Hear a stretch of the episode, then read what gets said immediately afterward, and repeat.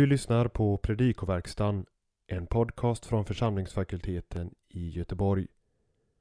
Daniel Johansson går igenom kommande helgdags evangelietext till fördjupning för dig som förbereder dig för att predika på helgdagen eller för dig som är intresserad av att veta mer om evangelietextens innehåll.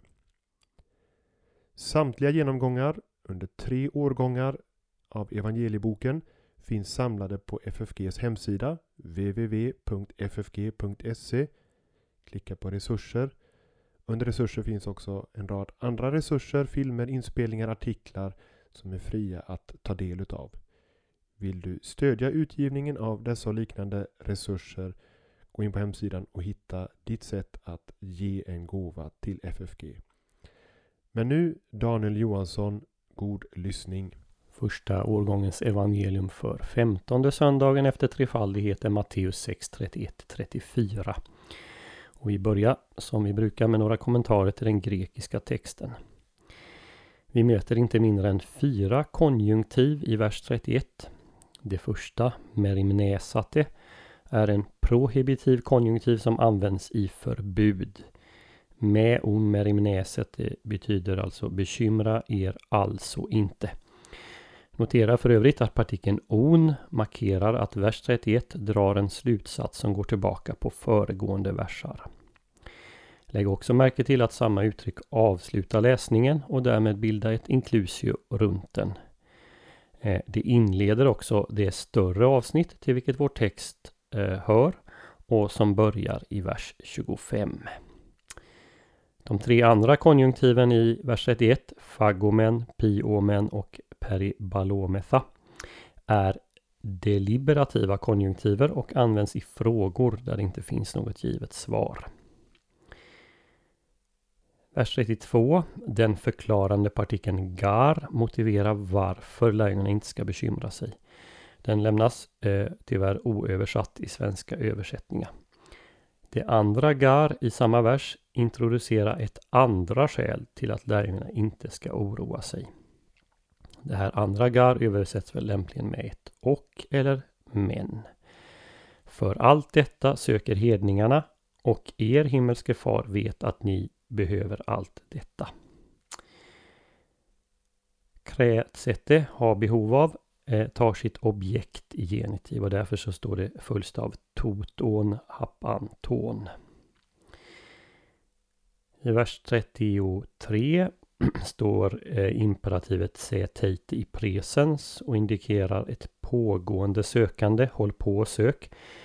Eller kan man uppfatta den som emfatisk sök, verkligen.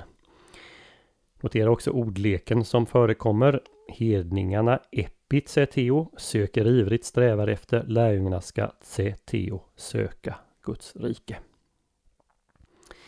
I nästladan 27 och 28 så står to theo i uttrycket ten basileian to theo inom parentes. Det här innebär att läsarten är osäker. Bibel 2000 utelämnar the, eh, to theo och översätter sök först hans rike och hans rättfärdighet. Eh, utelämnas to theo så bestämmer auto hans både basileia och dikaiosynne. Folkbibeln inkluderar däremot eh, och översätter följaktligen sök först Guds rike och hans rättfärdighet. Innehållsmässigt blir det till slut ändå ingen skillnad. Det är fråga om Guds rike i båda fallen. Prostethesetai eh, i samma vers står i passivum. Det ska ges. Här är det frågan om en så kallad gudomlig passivum. I vilken Gud är det outtalade subjektet. Och så till sist något ord om den avslutande satsen i vår textläsning. Arketon te hemera he kakia autes. Notera att jag börjar med att adjektivet arketon står i neutrum medan hekakia står i femininum. Adjektivet arketon fungerar som predikatsfyllnad i satsen och hekakia är subjekt. Det borde alltså ha varit kongruens. Men när predikatsfyllnaden utgör ett subjekt som uppfattas som en grupp och en abstrakt företeelse istället för en individ eller ett exempel ja då brukar grekiskan placera den adjektiviska predikatsfyllnaden i neutrum singularis.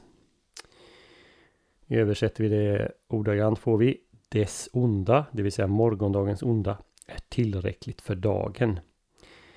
Hekakia avser här plåga, bekymmer enligt Bidag. Den svenska översättningen i både Bibel 2000 och Folkbibeln återger väl saken elegant. Var nog dag har nog av sin egen plåga. Söndagens evangelieläsning utgör avslutningen på ett avsnitt eh, som börjar redan i vers 25 och handlar om att vi, eh, om att lärjungarna inte ska oroa sig. Jesus ger en rad målande exempel från naturen innan han i avsnittet som är söndagens text ger en sammanfattning. Vårt avsnitt skulle man kunna dela in i två delar. Först oroa er inte för den dag som är i verserna 31 33 och den andra delen oroa er inte för morgondagen i vers 34. Den första delen kan i sin tur delas i två delar. Eh, där den första in, innehållet är var inte som hedningarna utan förtrösta på Gud, vers 31 och 32. Och den andra sök först Guds rike och rättfärdighet i vers 33. Man kan också notera att medan läs, eh, att läsningen omsluts av Jesu uppmaning att inte göra bekymmer. Eh, men den positiva uppmaningen att söka Guds rike, den står som en höjdpunkt eh, både i vår text och i det större avsnittet som börjar i vers 25. Jesu uppmaning att inte oroa sig för mat, dryck och kläder eh, är en följd av det som sagts tidigare. Nämligen att Gud sörjer för både fåglar och ängens liljor utan att dessa arbetar. Men tankegången sträcker sig ännu längre tillbaka, nämligen till det avsnitt som står närmast dess före, nämligen verserna 19 till 24. Eh, och som handlar om att tjäna antingen Gud eller mammon. När mammon, eh, mat och kläder är herre i livet blir man slav under bekymret. Men med Gud som herre kan livet ha en helt annan inriktning. Vi noterade tidigare att Jesus ger två motiveringar till varför lärjungarna inte ska bekymra sig för mat och kläder. Den ena är att hedningarna gör det. Jesus har tidigare varnat för att vara som hedningarna i 6.7. Man ska inte som dem rabbla tomma ord när man ber, säger Jesus. Man ska inte heller likt dem oroa sig för mat och kläder. Det finns en intressant parallell i Aristeas brev 140-41 där det sägs att de som tillber den sanne guden skiljer sig från citat de som är upptagna med kött och dryck och kläder. De som koncentrerar hela sin uppmärksamhet på dessa bekymmer. Slutcitat. Vilket väl är en träffande beskrivning även av vår tid. Det var den första orsaken. Den andra orsaken, den positiva, positiva sidan av saken, är att den himmelske fadern som föder fåglar och har omsorg om liljor vet att lärjungarna behöver allt det. Så istället för att göra sig bekymmer för detta jordiska ska lärjungarnas fokus vara på Guds rike och rättfärdighet. Vad innebär då det? Ja, här har vi med allra största sannolikhet en anspelning på de tre första bönerna i Fader vår som vi har mött tidigare i det här kapitlet 6, 9b till 10. Bönerna om att Guds namn ska bli helgat, hans vilja ske och hans rike ska komma. Att söka riket tog också en parallell i liknelsen om pärlan i 1345 46. Men vad avses då med hans rättfärdighet? Handlar det om människans rättfärdighet, det krav på rättfärdigt handlande som Gud ställer? Eller avses den rättfärdighet som Gud ger?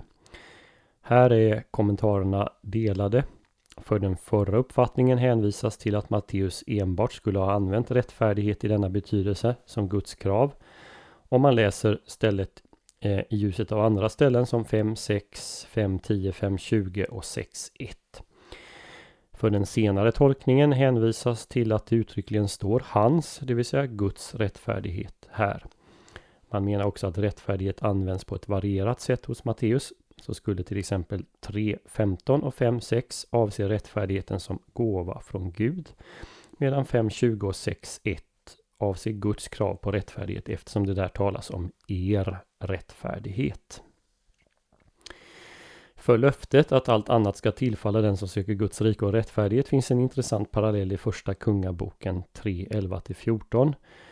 Där har kung Salomo bett om vishet och Gud säger då att allt det andra ska tillfalla honom. Salome är för övrigt omnämnd några verser före vår text i 6.29. Ordningen här, Gud och, sedan det, och det som tillhör honom och sedan allt det andra svarar också mot ordningsföljden i Fader vår. Som ju Jesus lär lärjungarna tidigare i det här kapitlet. En nära parallell till den avslutande versen om att inte bekymra sig för morgondagen hittar vi i Ordspråksboken 27, vers 1. Nu kan det ju tyckas gå emot den kristna erfarenheten att allt det andra skulle tillfalla den som söker Guds rike. Den invändningen kan man besvara på flera sätt. Ett är att se Jesu undervisning eh, som ordspråksartad. Att Jesus talar i generella termer. Jesus och hans åhörare visste ju mycket väl att det fanns fåglar som svälte och att liljor torkade i sommarhettan. En annan är att en läsare i den rika delen av världen måste uppmärksammas på att Jesus faktiskt talar om nödtorften, det man verkligen behöver för att överleva, inte allt vad man önskar sig. Vi kan också notera att parallellstället hos Lukas tar med en annan lösning, nämligen den att de kristna ska ta hand om varandra när någon saknar livets nödtorft. Eh, se Lukas 12.33 i sitt sammanhang. Och den här saken finns faktiskt också uttryckt hos Matteus eh, när man läser vår text tillsammans med Matteus 25, verserna 31 46. Noteras särskilt den nära parallellen i verserna 35 och 36. Huvudidén i vårt avsnitt är att Gud tar hand om sina barn. De får kasta alla sina bekymmer på honom, så som Petrus formulerade i första Petrusbrevet 5.7. Kristna kommer att drabbas av motgångar och svårigheter. Det understryker Jesus i till exempel Matteus 10, 16-31. Men de ska inte bekymra sig för dem i förväg.